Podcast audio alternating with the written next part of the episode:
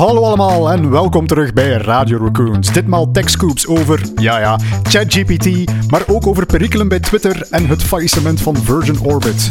Voor de deep dive wagen we ons in de wonderlijke en beangstigende wereld van Artificial General Intelligence. En we hebben ook nog een Curious Raccoon over AI in de procesindustrie. En tot slot nog een watercooler show-off.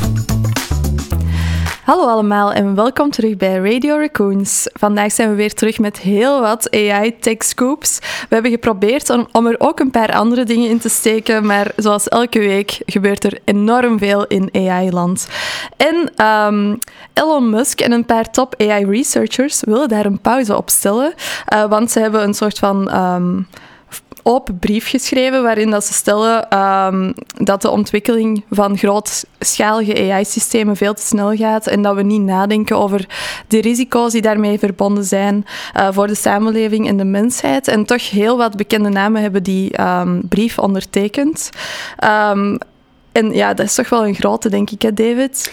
Het is, het is een beetje controversieel wel. Mm. Hè? Want natuurlijk, uh, ik, ik ben zelf niet zo'n fan van laat ons stoppen met uh, vooruitgang en laat ons eerst eens eventjes goed nadenken.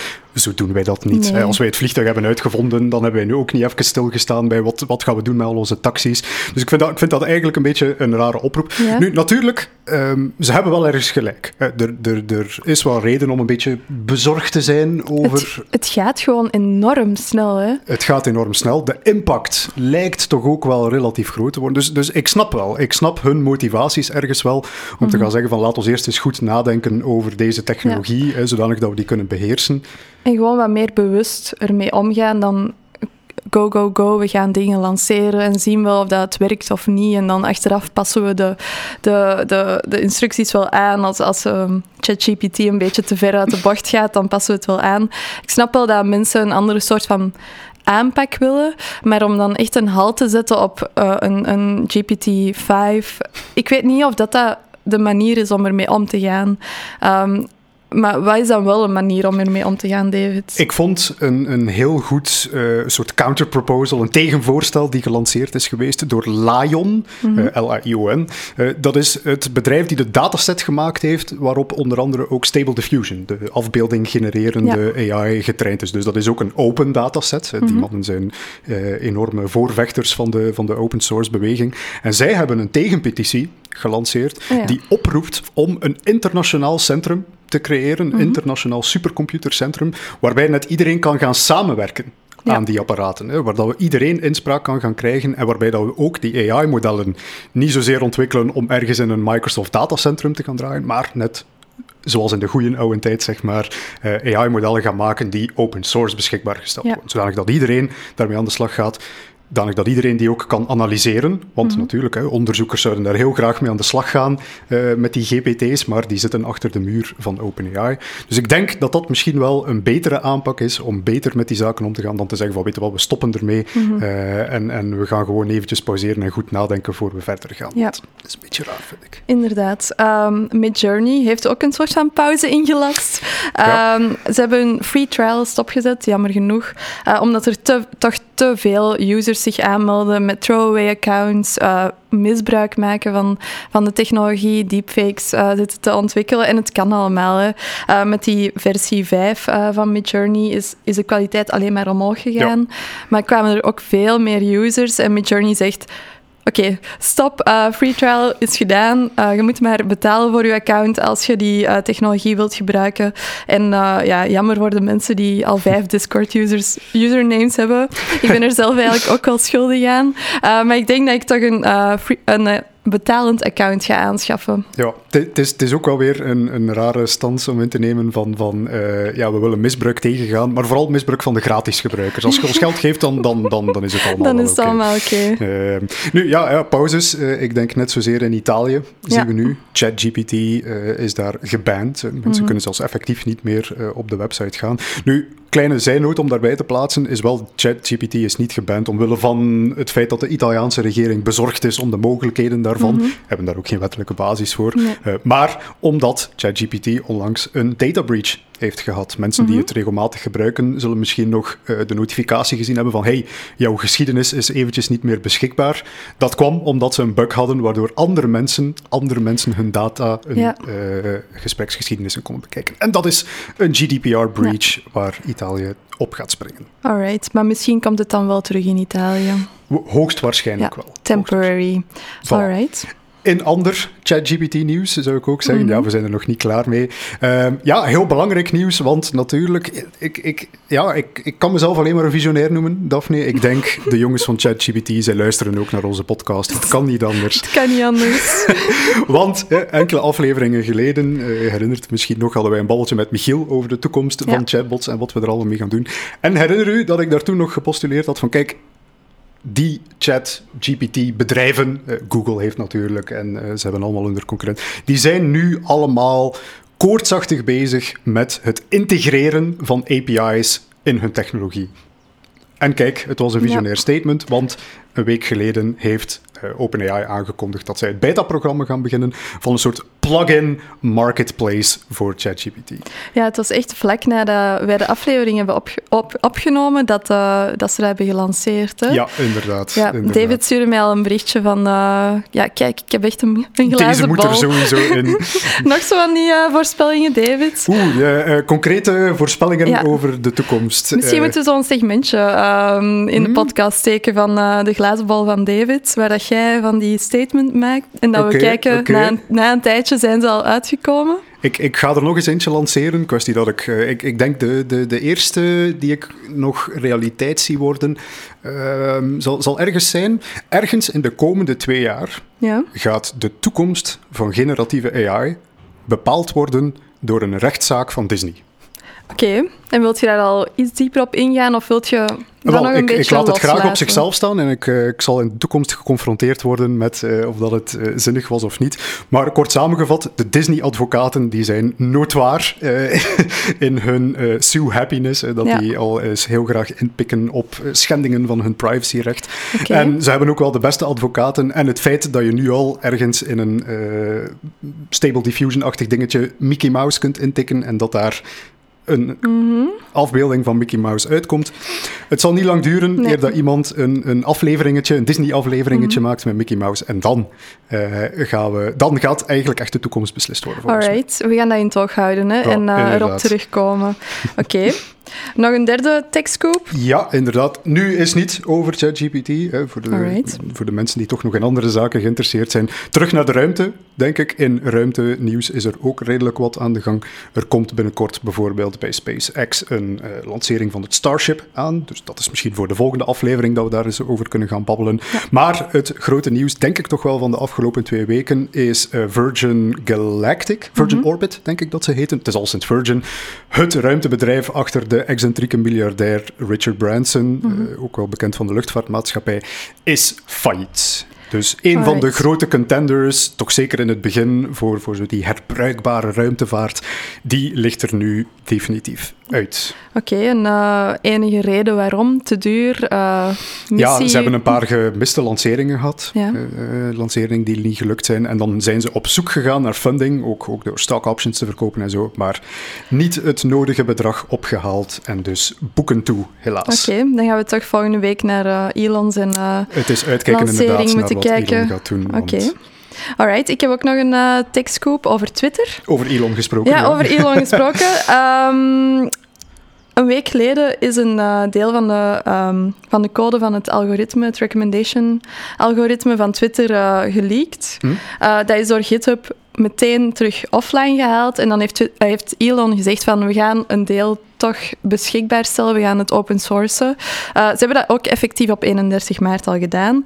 En het is wel grappig, want er zitten een paar grappige variabelen bij eh, voor statistieken, eh, waar dat ze bijvoorbeeld zeggen als de author Elon is, of Republican is, of Democrat is, dan moet je bepaalde dingen gaan doen in de code. En ja, volgens mij, als ze heel de code gaan open sourcen, dan gaan er nogal wat dingen uitkomen. Er zijn veel mensen die denken ook dat, dat die parameters erin staan om eh, tweets de- van Elon en, van democraten of republikeinen, ik weet niet, eh, afhankelijk van Ja. welk kamp dat je hoort, naar beneden of naar boven te duwen. Mhm. Maar volgens een engineer is het alleen maar om statistieken te verzamelen. Maar ik denk, ja, nog niet heel de code staat online. Hè? Dus we weten dat dat deeltje ook wel exact hetzelfde is en uh, dat, dat het recommendation engine effectief zo werkt. Um, zullen we nog zien, want ik denk dat Musk echt wel heeft beloofd om alles uh, online te gooien. Ik denk dat ze misschien nog snel een paar uh, oneffenheden aan het wegpoetsen zijn, eer dat ze het echt volledig op het grote publiek inderdaad. loslaten. Oké, okay, en dan om als laatste te eindigen met onze techscopes. Microsoft heeft mhm. nu geclaimd dat GPT-4 um, ehm, sparks of general intelligence zou vertonen. Wat ik daaronder begrijp, is dat die artificial intelligence op of boven het menselijke niveau van intelligentie zou liggen.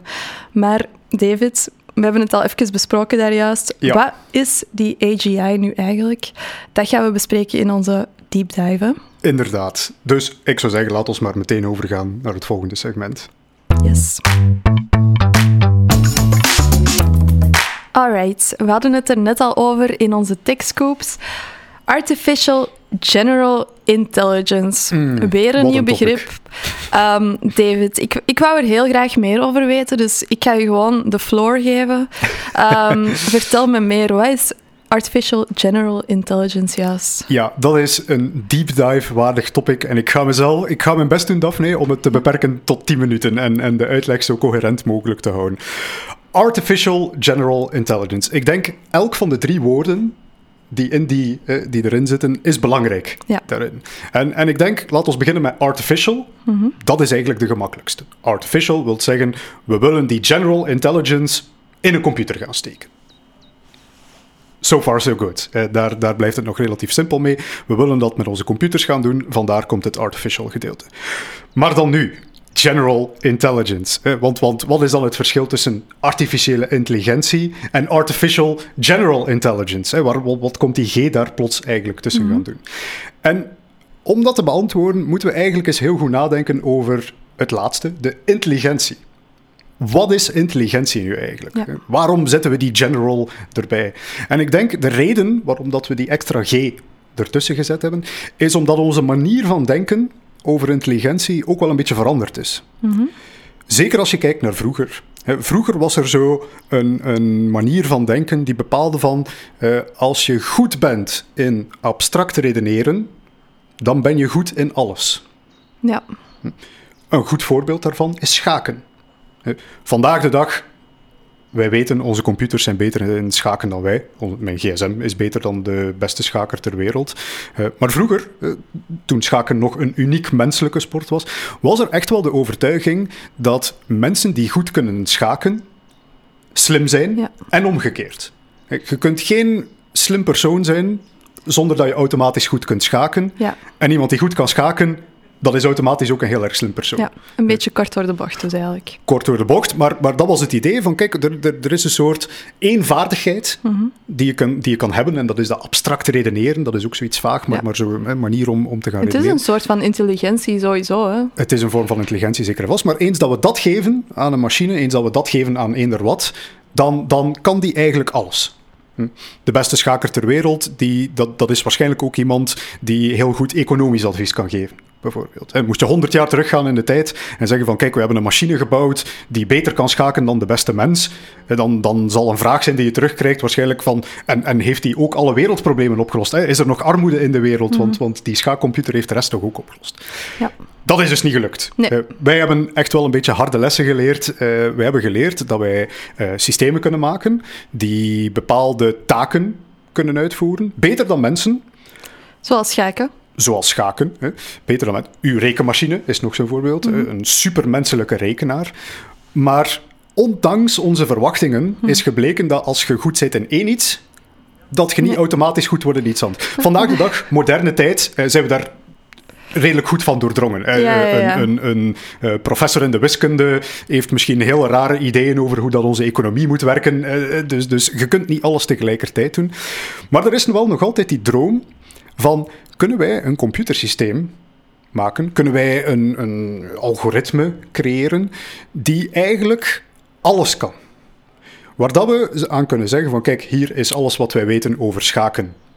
Ga nu maar schaken, bij mm -hmm. spreken. Hier is alles wat wij weten over economie.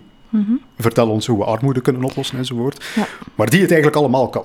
Ook alle talen kan spreken. Echt letterlijk alles wat wij mensen kunnen, Ja. kan. Ja, inderdaad. Als wij zouden zeggen van, en hier is een robot, ga nu tennis gaan spelen, dan moet hij dat net zo goed gaan kunnen als dat hij kan nadenken over wiskundige problemen. Of met de auto rijden. Allee, ja, het bestaat al, hè. Self-driving cars. Het probleem dat we hebben, is dat wij, zeker met machine learning, heel goed in staat zijn geworden om systemen te creëren die één iets goed kunnen. Hm? Stop daar een hoop data in van auto's die rondrijden op straat en je kan een machine learning systeem gaan trainen om op straat te gaan rijden. Ja.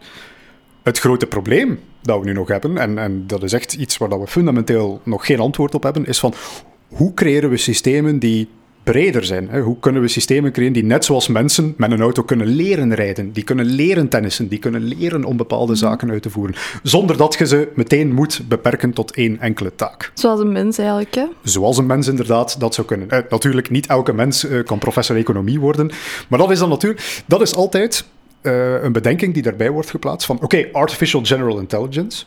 De meeste mensen denken dan van, oké, wij, wij gaan een systeem creëren en dat wordt een mens. Eh, Die, die is even goed als mensen in, in alle taken. Dat is een beetje een average Joe, bij wijze van spreken. Maar ook daar zit een soort eh, misconception in.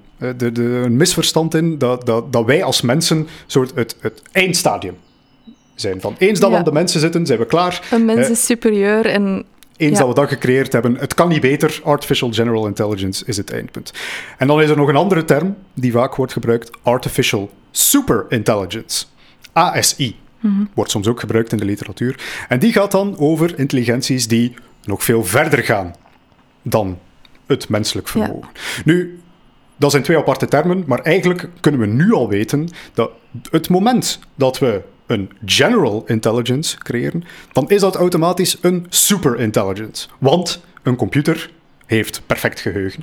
Heeft, eh, denkt aan de snelheid van het licht en niet eh, zoals wij mensen met, met chemische stofjes enzovoort enzoverder. Dus puur en alleen al, ook al, ook al kan die leren zoals een mens, puur door het ding waarop dat, dat systeem draait, wordt dat supermenselijk. ja, het zal altijd beter zijn dan een mens. Want wij hebben onze gebreken. het moment, hè, het zal bepaalde dingen, het moment dat we het, het algemene redeneringsvermogen van een mens in een computer kunnen steken, is dat systeem automatisch supermenselijk. Want het heeft perfect geheugen, het kan supersnel gaan nadenken, enzovoort enzoverder. Oké. Dus daar, ja, daar zijn we naartoe aan het werken. We weten begot niet hoe dat we er moeten geraken. We, hebben geen plan om, om naar die artificial general intelligence toe te gaan. Maar om dan even terug te komen Ja. op een nieuwsbericht van daar straks. we, we, we zien sparks, Ja. vonkjes van general Het intelligence eerste- in, in. ChatGPT. Ja. En gelooft je ook echt dat dat dan echt die AGI is, eh, wat we kunnen zien in eh, chat, of ja, GPT-4? Ik denk dat er het, het Opnieuw een glazen bol vraag je eigenlijk, hè? Inderdaad, ja, wanneer komt AGI eraan? Een van de hamvragen. Mhm. Als ik daarop het antwoord had, dan, dan was ik al een veel rijker persoon dan vandaag. Ehm, nee, ik denk dat er heel wat... Dat, dat, er nooit een moment gaat zijn waarop dat... Gisteren zeggen we van nee en de dag daarna zeggen we overtuigend ja.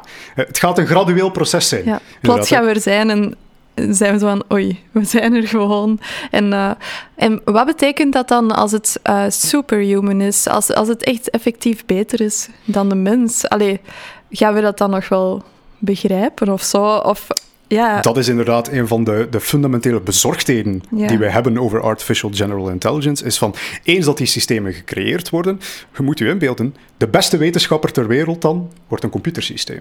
Die gaat misschien ontdekkingen doen voor ons die wij niet meer begrijpen.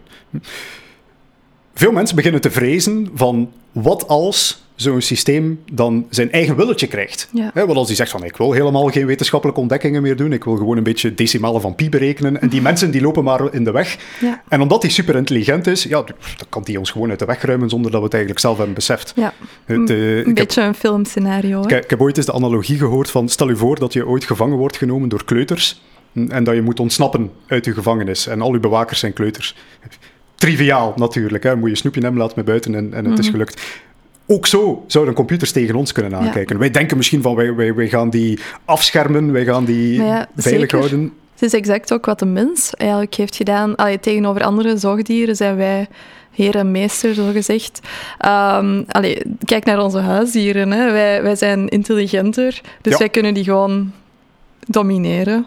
Uh, allee, domineren is misschien het fout woord, want ik zie mijn kat heel graag en uh, ik wil die niet opsluiten of zo, maar wij kunnen dat wel omdat wij gewoon slimmer zijn. En, en wat, wat als inderdaad zo'n systeem veel slimmer is dan ons. Hoe gaat dat er dan uitzien? Dat is eigenlijk wel een beetje eng om over na te denken. Ik heb de vergelijking gehoord van wij houden typisch geen rekening met mieren hopen als we nieuwe snelwegen leggen.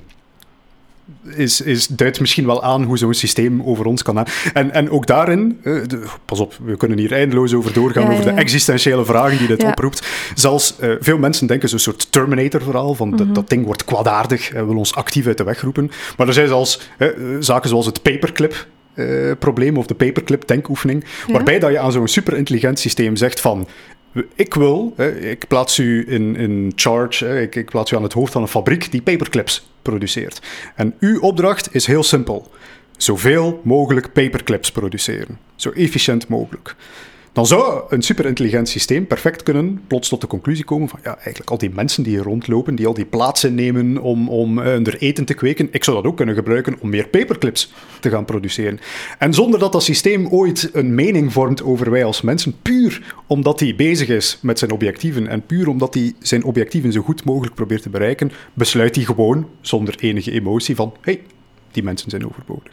Dus het is inderdaad scary stuff en het is inderdaad wel iets waar... Misschien moeten we met een positieve noot afsluiten, um, David. Ehm, los van het Terminator-verhaal en mensen gaan alleen van de planeet verdwijnen als we zo'n systeem hebben, waar kan dat systeem ons helpen of, of onze samenleving beter maken? Inderdaad, ik, ik, ik beargumenteer het vaak, want ik begin graag altijd met de, met de doemverhalen natuurlijk, om mensen aan het denken te zetten. Maar denk u, Denk aan de keerzijde van de medaille. Denk aan een superintelligent systeem die ook problemen kan oplossen, zoals honger, armoede, global warming. Stel je voor dat wij een superintelligent persoon hadden, een Einstein tot in het kwadraat, om al onze vragen aan te stellen. Mhm.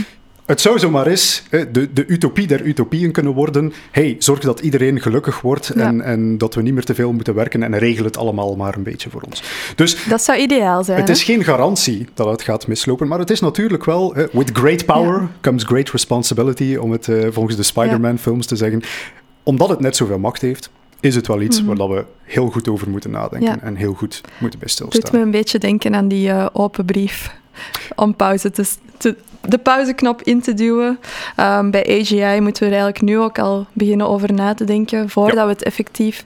Allee, er zijn sparks, dus wat als dat effectief gaat gebeuren? Het zou leuk zijn als we naar dat positieve, naar dat utopieverhaal gaan, maar ja, de keerzijde is er, dus... Um. Ik zou misschien nog aanraden, een, een kleine leestip voor mensen die heel geïnteresseerd zijn in dit topic. Uh, Super Intelligence door Nick Bostrom, als ik mij niet vergis, is het referentiewerk op dat vlak. Iemand die echt wel heel diep nagedacht heeft over hoe zorgen we ervoor dat die systemen aan onze kant blijven staan. En het is ergens wel uh, enerzijds nog veel open vragen, maar het is ergens ook wel geruststellend. Er zijn mensen mee bezig, er zijn serieuze strategieën uh, waarover nagedacht wordt. Dus volgens mij komt het wel goed. Goed, bedankt David voor de uitleg. En dan kunnen wij naar onze Curious Raccoon gaan. Hè? Yes. Alright, tijd voor onze Curious Raccoon sectie. Um, deze keer heeft Hans Simons een berichtje gestuurd en hij zegt: Hoi Radio Raccoons, ik heb jullie podcast nog maar zeer recent ontdekt. Heel interessant, doe zo verder AUB. Um, ehm, heel leuk om te horen. Complimentjes altijd welkom, dank Ja, inderdaad. Maar hij heeft ook een vraag. Um, dus bij deze, hier mijn vraag voor de Curious Raccoon. Zien jullie toepassingen voor AI in de procesindustrie? Momenteel komt er heel veel data binnen van allerlei metingen in de procesinstallatie. Op basis van die metingen kan er nu al een automatisch geregeld worden, maar hoe zou AI een meerwaarde kunnen betekenen in de procesindustrie? Hebben jullie hier een idee over? Ook weer een vraag waar we een uur op kunnen antwoorden. Ik heb effectief al een presentatie van een uur gegeven over wat we kunnen doen in de, de proces-maakindustrie. Ik vermoed dat dat iets heel gelijkaardigs Volgens mij staat die webinar zelf nog online, dus ik zal hem in uh, de show notes uh, pluggen. zou misschien wel eens kunnen. Om kort te antwoorden op, op die vraag. Nu, ja, er zijn heel wat toepassingen binnen, binnen de procesindustrie. sommige misschien zelfs wat meer niche. denken bijvoorbeeld aan computer vision om de werkvloer in de gaten te houden en te checken op eventuele safety breaches, compliancy zaken enzovoort enzovoort. Maar ik denk als we echt naar de kern gaan van wat die, die procesindustrie moet, moet gaan doen, dat is het produceren. De machines die dingen maken zijn cruciaal, zijn allonbelangrijk uh, in die industrie. En het is ook daar echt dat AI volgens mij de meeste meerwaarde kan gaan betekenen. Mhm. In de eerste plaats het, het algemene concept van anomaliedetectie. Hm. AI-systemen zijn best goed in het herkennen van patronen, in het herkennen van wat is normaal. En zijn dan ook best goed in het identificeren wanneer dat de dingen buiten de normaliteit gaan. Mhm. Nu ja, dat is iets waar je in de procesindustrie best geïnteresseerd in bent. Als je, als je rekent op het feit dat je omstandigheden altijd exact goed zijn om een kwalitatief product te maken, dan ben je ook best geïnteresseerd in wanneer dat de zaken beginnen af te wijken. Dus anomaliedetectie is zo eentje heel groot, komt, komt op heel veel plaatsen terecht. We zien dat ook vandaag de dag al echt in industriële software terugkomen. Dus dat is zeker één groot toepassingsgebied. Nog eentje die ik zie, ook weer op de machines zelf, is onderhoud. Ik, ik, ik, was er eigenlijk zelf een beetje van geschrokken in, in hoe intens dat eigenlijk wel niet is in de fabrieken van vandaag. Mm -hmm. Je zou denken van een uurtje even de machine stilleggen om onderhoud te doen, no problem. Nee, die dingen moeten 24-7 produceren, dus elke minuut dat daaraan wordt gewerkt, is eigenlijk een minuut te veel. Maar natuurlijk, onderhoud eh, is, is kostelijk om te doen maar is nog veel kostelijker als je het niet doet en de machines uiteindelijk onverwacht kapot gaan en, en je dan dus nog veel langer met mhm. stilstand zit. Dus die balans een beetje proberen zoeken van wanneer onderhouden, wanneer niet, om zo uh, die, die machines in tip-top shape te houden. Inderdaad, preventative maintenance heet zoiets. Net genoeg onderhoud doen op exact de juiste momenten. Uh, ja, dat is uiteindelijk het, doel van, van die soort AI-systemen. En ook daar zien we dat steeds mhm. vaker terugkomen in, in uh, industriële software. En wat denk je voor de toekomst van uh, de procesindustrie? Ja, um, ik zit nog altijd in general intelligence sferen, Daphne. Uh, ik, ik denk, ja, de, de grote ambitie natuurlijk van AI in de procesindustrie, is om een soort, ik, ik denk daar wordt zelfs al een naam aan gegeven, de Autonomous Enterprise, om een soort systeem te gaan creëren die ook effectief de productie kan gaan aansturen.